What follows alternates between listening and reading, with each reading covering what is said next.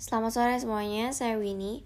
Jadi di kesempatan kali ini saya akan ngejelasin apa itu organisasi ekonomi regional pada bidang militer dan ekonomi. Di wilayah regional atau negara-negara yang berada di suatu kawasan Asia, memiliki enam organisasi yang belum kalian tahu. Di antara enam itu juga ada Indonesia-nya loh. Yang pertama, ada South Asian Association for Regional Cooperation yang didirikan pada tanggal 8 Desember 1985 di Dhaka, Bangladesh oleh negara Pakistan, Bangladesh, Bhutan, India, Nepal, Maladewa, Pakistan, dan Sri Lanka. Organisasi ini bermarkas di Kathmandu, Nepal, dan berdirinya di latar belakangin oleh keinginan negara-negara Asia Selatan untuk bekerja sama dengan semangat persaudaraan, kepercayaan, dan pengertian. Dan dari tujuan organisasi ini tersebut adalah untuk membangun perekonomian negara-negara anggota Asia Selatan. Momen paling da dalam organisasi ini adalah ketika menerapkan South Free Trade Area tahun 2000, 2006 untuk mempermudah kegiatan perdagangan Asia Selatan. Selain memiliki anggota tetap, organisasi ini juga mempunyai 9 negara pengamat, yaitu adalah Australia, Cina, Uni Eropa, Iran, Jepang, Mauritius, Myanmar, Korea Selatan, dan Amerika Serikat. Yang kedua, ada MEE atau Masyarakat Ekonomi Eropa. Dan pada tahun 1 Juni 1955 lanjut. Yang kedua ada MEE atau Masyarakat Ekonomi Eropa uh, pada tanggal 1 Juni 1955 ada sebuah pertemuan di Messina, Italia yang menunjukkan Paul Henry Spaak atau Menteri Luar Negeri pada saat Belgia pada saat itu sebagai ketua komite yang harus menyusun laporan tentang kemungkinan kerjasama ke semua bidang ekonomi. Uh, dalam laporan komite tersebut berisi dua rancangan, yang pertama ada membentuk Eropa Economic Community atau Masyarakat Ekonomi Eropa. Dan yang kedua ada membentuk Eropa Automatic uh, Energy Community atau Badan Tenaga Atom Eropa. Rancangan ini akhirnya disetujui pada tanggal 25 Maret 1957 di, di Roma. Dan kedua perjanjian itu mulai berlaku pada tanggal 1 Januari 1958. Pertemuan di Roma menghasilkan Traktat Roma yang meresmikan berdirinya MEE. Pembentukan ini dilatar belakangi oleh keberhasilan European Coal and Steel Community dalam mendorong negara-negara seperti Belgia, Prancis, Italia, Luxembourg, uh, Belanda, dan Jerman Barat membentuk pasar bersama yang mencakup sektor ekonomi. Nah, terdap dan uh, terdapat tiga organisasi di Eropa yaitu ada uh, EEC, dan Euratom. Dan uh, MA juga menegaskan tujuannya. Yang pertama ada meningkatkan kerjasama ekonomi, memperbaiki taraf hidup, dan memperluas lapangan kerja. Yang kedua, menghapus biaya masuk dan pembatasan impor ekspor antar negara anggota. Yang ketiga, memberikan bantuan dana kepada negara-negara yang masih rendah pendapatan ekonominya. Uh, selanjutnya ada meningkatkan tarif yang tinggi dan membatasi secara ketat barang-barang masuk yang bukan dari negara-negara anggota. Dan yang terakhir ada meluaskan hubungan dengan negara-negara selain anggota MEE. Untuk mewujudkan tujuannya, MEE membentuk pasar bersama Eropa, keseragaman tarif, dan kebebasan bergerak dalam hal buru barang serta modal. Pada akhirnya, MEE bergabung dengan ICAC dan Euratom menjadi Uni Eropa melalui perjanjian Margar Treaty yang ditandatangani di Brussels, di Brussels pada tanggal 8 April 1965. Selanjutnya yang ketiga ada AFTA atau ASEAN Trade Area.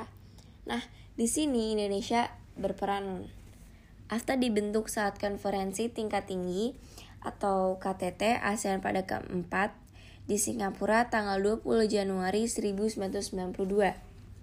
AFTA merupakan kesempatan negara-negara ASEAN untuk membentuk kawasan bebas perdagangan dalam rangka meningkatkan daya saing ekonomi kawasan regional dengan menjadikan wilayah ASEAN sebagai basis produksi dunia. AFTA awalnya hanya beranggota Indonesia, Malaysia, Singapura, Brunei, Thailand, dan Filipina. Meski begitu, pada tahun 1095, Vietnam bergabung. Laos Myanmar tahun 1907, serta Kamboja tahun 99, menjadikan seluruh negara ASEAN menjadi anggotanya. AFTA memiliki tujuan antara lain. Yang pertama ada menjadikan kawasan ASEAN sebagai tempat produksi yang kompetitif sehingga produk ASEAN memiliki daya saing kuat di pasar global. Yang kedua, menarik lebih banyak foreign direct investment. Yang ketiga, meningkatkan perdagangan antar negara anggota ASEAN. Yang keempat, ada NAFTA atau North America Free Trade Agreement. Nah, NAFTA ini mulai berap mulai beroperasi pada 1 Januari 1994. Awalnya, NAFTA dilaksanakan oleh dua negara, Amerika Serikat dengan Kanada. Pendirian NAFTA dilatar belakangi oleh Amerika Summit di Chile pada April 1988 yang membahas tentang peningkatan kerjasama di bidang perdagangan, budaya, perjalanan, hingga cyberspace. Kerjasama yang dijalin Amerika Serikat dan Kanada menarik minat Meksiko untuk terlibat dalam perjanjian tersebut. Pada September 1098, Meksiko pun mendatangani Declaration and Memorandum of Understanding yang meresmikan masuknya Meksiko ke dalam NAFTA. NAFTA memiliki tujuan antara lain pertama meningkatkan pertumbuhan ekonomi dan kesempatan kerja. Yang kedua, menciptakan iklim usaha untuk mendorong persaingan yang adil. Yang tiga, meningkatkan peluang investasi, dan yang terakhir menciptakan produksi produser yang efektif dalam penyelesaian perdagangan. Yang kelima, ada CAFTA atau Central America Free Trade Agreement. CAFTA merupakan perjanjian perdagangan bebas yang disetujui oleh Amerika Serikat beserta negara-negara Amerika Tengah seperti Costa Rica, El Salvador, Guatemala, Honduras, dan Nicaragua dalam kurun waktu 2003 sampai 2004. Keberadaan KAFTA menjadi wadah dari Carbon Basin Initiative yang ber berisi tujuan tentang aturan biaya ekspor dan kuota impor antara Amerika Serikat dengan negara-negara di Amerika Tengah. Tujuan dibentuknya KAFTA adalah mewujudkan kemajuan perdagangan antar negara anggotanya. Keberadaan KAFTA memiliki beberapa ketentuan yaitu perdagangan jasa lintas batas, jasa keuangan, dan investasi, akses pasar, dan pertanian. Selanjutnya ada APEC atau ASEAN Pacific Economic Corporation yang didirikan tahun 1989 oleh beberapa negara di wilayah ASEAN dan Pasifik. Tujuannya adalah meningkatkan pertumbuhan ekonomi dan mempererat komunitas negara-negara di ASEAN Pasifik. APEC memiliki prinsip dalam menjalankan kegiatan organisasi antara lain, keputusan APEC harus bermanfaat dan disepakati oleh semua anggota, kesempatan secara sukarelawan, uh, keputusan dilakukan bersama-sama, dan liberalisasi negara dan ekonomi anggota. Keberadaan APEC secara nyata berkontribusi dalam pertumbuhan ekonomi negara-negara di kawasan ASEAN Pasifik. APEC hingga kini beranggotakan 20 negara di wilayah Asia Pasifik termasuk Indonesia di dalamnya. Beberapa organisasi regional ini berpengaruh pada perekonomian Indonesia, seperti AFA dan AFTA dan APEC. Dengan adanya AFTA, Indonesia diuntungkan karena bisa menarik investor asing untuk menanamkan modalnya di Indonesia, serta mendorong pelaku usaha Indonesia untuk bersaing dagang dengan pelaku usaha dari negara lain. Selain AFTA APEC, juga berpengaruh dalam meningkatkan neraca perdagangan Indonesia, Neraca perdagangan Indonesia kepada seluruh anggota APEC mencapai 289,3 US dollar atau 75% dari total perdagangan Indonesia hingga tahun 2011. Selanjutnya ada empat organisasi militer regional. Untuk menjaga keamanan dan kesejahteraan negara-negara di dunia, dibentuknya macam-macam organisasi dengan tujuan yang berbeda-beda. Organisasi tersebut dapat bersifat global dan regional. Yang pertama, ada North Atlantic Treaty Organization atau NATO yang berdiri tanggal 4 April 1949 dengan tujuan membangun kerjasama militer antara negara-negara untuk mencegah penyebaran pengaruh Uni Soviet. Organisasi militer regional yang satu ini memiliki prinsip untuk melindungi negara anggotanya apabila diserang oleh pihak lain. Yang kedua ada ANZUS atau Australia New Zealand United States Security Treaty yang didirikan pada 1 September 1951 di San, di San Francisco, Amerika Serikat. Sesuai dengan namanya, anggota ANZUS terdiri dari Australia, New Zealand, dan Amerika Serikat. Tujuan dari ANZUS adalah menghambat persebaran komunis di kawasan Australia dan Oceania, tapi tetapi uh, New Zealand baru kemudian memutuskan untuk keluar dari ANZUS ketika kapal Amerika Serikat memasuki kawasan New Zealand. Selanjutnya yang ketiga ada SEATO. Uh, organisasi ini berdiri pada tanggal 8 September 1954 di Manila, Filipina. Walaupun namanya merujuk kepada negara-negara di Asia Tenggara, hanya terdapat dua anggota yang berasal dari negara Asia Tenggara yaitu Filipina dan Thailand. Tujuan utama dari SEATO adalah untuk menghambat penyebaran paham komunis di Vietnam ke negara Asia Tenggara lainnya.